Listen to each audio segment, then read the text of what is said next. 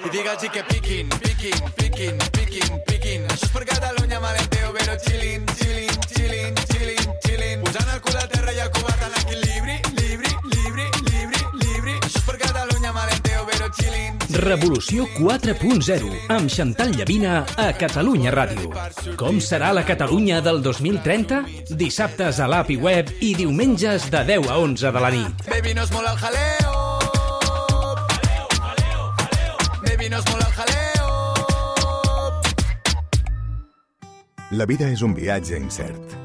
Per això ens tranquil·litza saber que comptem amb el millor company de viatge. Perquè estar tranquils ens fa gaudir del camí. Tant se val quan arribem o quin sigui el destí.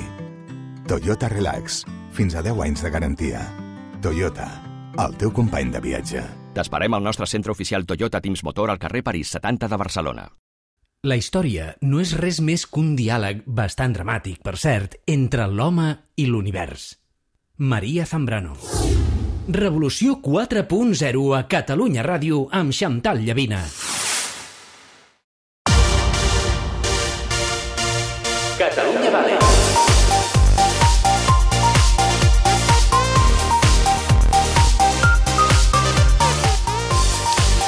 Després de parar del mobile, durant els propers minuts volem seguir parlant de xifres espectaculars, perquè les coses bones s'han de celebrar. Ahir ja vam tenir la dosi canyera de Santiago Niño Becerra, advertint-nos de la complicada situació econòmica que, que vivim i que seguirem vivint, però ara és el moment de parlar d'optimisme i d'un futur que, de moment, sembla molt interessant. Don't blame me, love made me crazy. If it doesn't, you ain't doing it right. Lord, save me, my drug is my baby. I'll be using for the rest of my life. I've been Lluís Juncà, director general d'Innovació i Emprenedoria, què tal, com estàs? Bona nit. Molt bé, perfecte. Escolta, vens amb dades que et ve de gust explicar-les, eh, davant d'un micròfon avui? Sí, perquè és la història d'un èxit, d'un èxit de més d'una dècada, de com l'ecosistema català de startups està creixent, té bona salut i té unes perspectives eh, superoptimistes. Va, parlem de, del 2022 i startups. Què? Doncs rècords històrics. Tenim més empreses que mai, que facturen més que mai, que donen treball més que mai i que capten més inversió que mai. Per tant, estem en rècords històrics. Per posar algunes dades concretes, per exemple, que és el titular que estem explicant, ja tenim més de 2.000 startups a Catalunya, en concret 2.022. I això és una xifra que comparada amb el 2016, quan vam fer la primera eh, llista de quantes startups teníem, doncs vol dir que hem pràcticament doblat el número de startups a Catalunya, passant de 1.086 que teníem el 2016 a 2.022 que tenim avui en dia.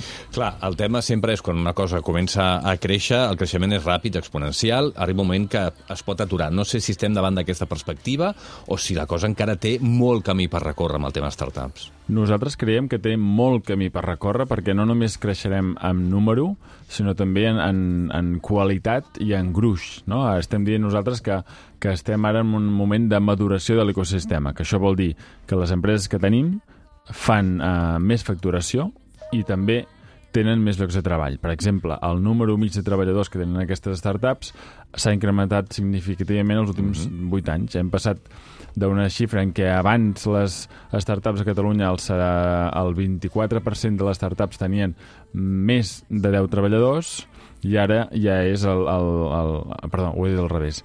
Abans el número de, de startups que tenien més de, 20, més de 10 treballadors era només el 10% i ara és el 24%. Mm -hmm. o sigui, això a poc a poc va donant més gruix. I de fet, si ho comparem amb les estadístiques del conjunt d'empreses a Catalunya, és molt rellevant perquè a Catalunya, de les 620.000 empreses que tenim registrades, que tinguin més de 10 treballadors, només són el 3%. Per tant, amb les startups es multiplica per 13 o així. I, per tant, es ajuda a trencar aquella idea de que les startups són una cosa petita, com Mm. gairebé graciosa, però no, que no és economia real, no? Això s'ha acabat, s'ha acabat del tot, perquè si mires amb tamany d'em- d'empresa per número de, treballadors, ja són de mitjana més grans que les empreses estàndards del país, no? I eh, si ho mires en número de, de, de facturació, també veiem com està incrementant, i també en captació d'inversió, les rondes que estem fent al país cada cop són més grans. Gairebé s'han doblat la, la mitjana de milions en cada ronda d'inversió que es fa a Catalunya.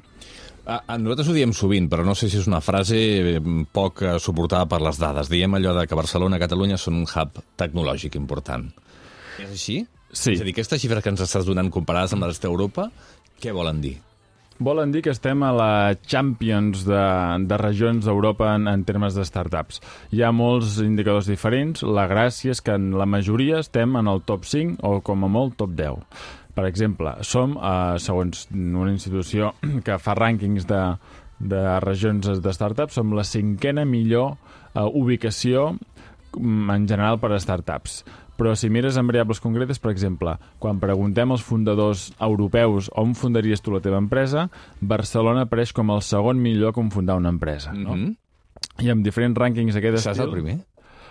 Mm. Pregunto per curiositat, eh? Si no ho saps no passa res. Uh, de, uh, crec que és Berlín. Ok. Crec que és Berlín. Bueno, hi, hi ha moltes variables, hi ha moltes empreses diferents que fan rànquings d'aquests. El que té gràcia no és agafar-se el que és més, op més optimista per Barcelona, sinó uh, veure que en la majoria d'aquests rànquings Barcelona i Catalunya apareix entre el segon i el setè vuitè. I això vol dir que estem Que estem allà, estem allà. Clarament, sí, que deixem enrere aquella etapa en què posàvem allò de sud d'Europa, no? Que això mm, ja ho hem de començar a abandonar. Ja no és la competició a veure qui és el millor sud d'Europa, nosaltres juguem la Lliga eh, de Campions i la volem jugar a Europa i per tant deixem de re- d'autoreferenciar-nos com els millors del sud, sinó que ja juguem entre el top 10, top 5 de, del conjunt d'Europa. Jo i tu, quin parell de caps i grans, viatjant per mons estranys, lluitarem contra gegants. I a quins sectors pertanyen totes aquestes uh, startups? Bé, hi ha una diversitat bastant important de sectors. El que destaca més és el sector salut, en el que treballen eh, un, aproximadament el 15-16% d'aquest conjunt de 2.000 startups. És el sector que, que clarament tira més del carro, però clar, amb un 15%. Per tant, si el que tira més és un 15%, vol dir que realment hi ha molta diversitat de, de sectors. El segon és el sector de serveis a les empreses, el tercer ja seria més, uh, més genèric, el TIC i, i connexions mòbils, i llavors ja venen molts sectors amb unes quotes del 5-6% d'aquest total de 2.000 empreses, que aquí trobem l'alimentació, les finances o, o fins i tot l'energia. No? Però, per tant, és un, és un món molt diversificat en el que sí que és evident que, eh, com en altres eh, variables econòmiques, el sector salut a Catalunya és molt important i ho és perquè tenim infraestructures molt potents. Tenim grans hospitals que funcionen molt bé, amb molt prestigi internacional, però també tenim molt bones universitats que fan recerca en sectors de salut i també sabem transferir bastant bé aquest coneixement cap al mercat. I això fa que hem creat un ecosistema de salut des del punt de vista econòmic molt potent que està clarament entre els tres millors d'Europa. Ens has parlat una mica de, de les plantilles, ens has parlat també de les inversions, que a vegades són més uh, potents, i perquè fa la gent, el talent és nostre, l'importem, eh, és una barreja de les dues coses? És una barreja i és bo que sigui així, perquè el talent és el bé més escàs per l'economia en general, per les startups en particular.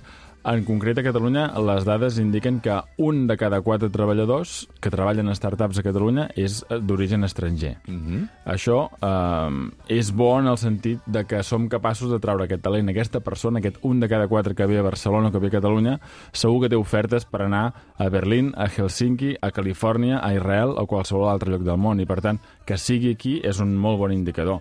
Ja no té sentit parlar de, de vessants econòmiques o de sectors econòmics eh, que no sigui pensant en una referència mundial. I, per tant, això és una competència pel talent. Que siguem capaços d'obtenir talent de fora és una molt bona notícia.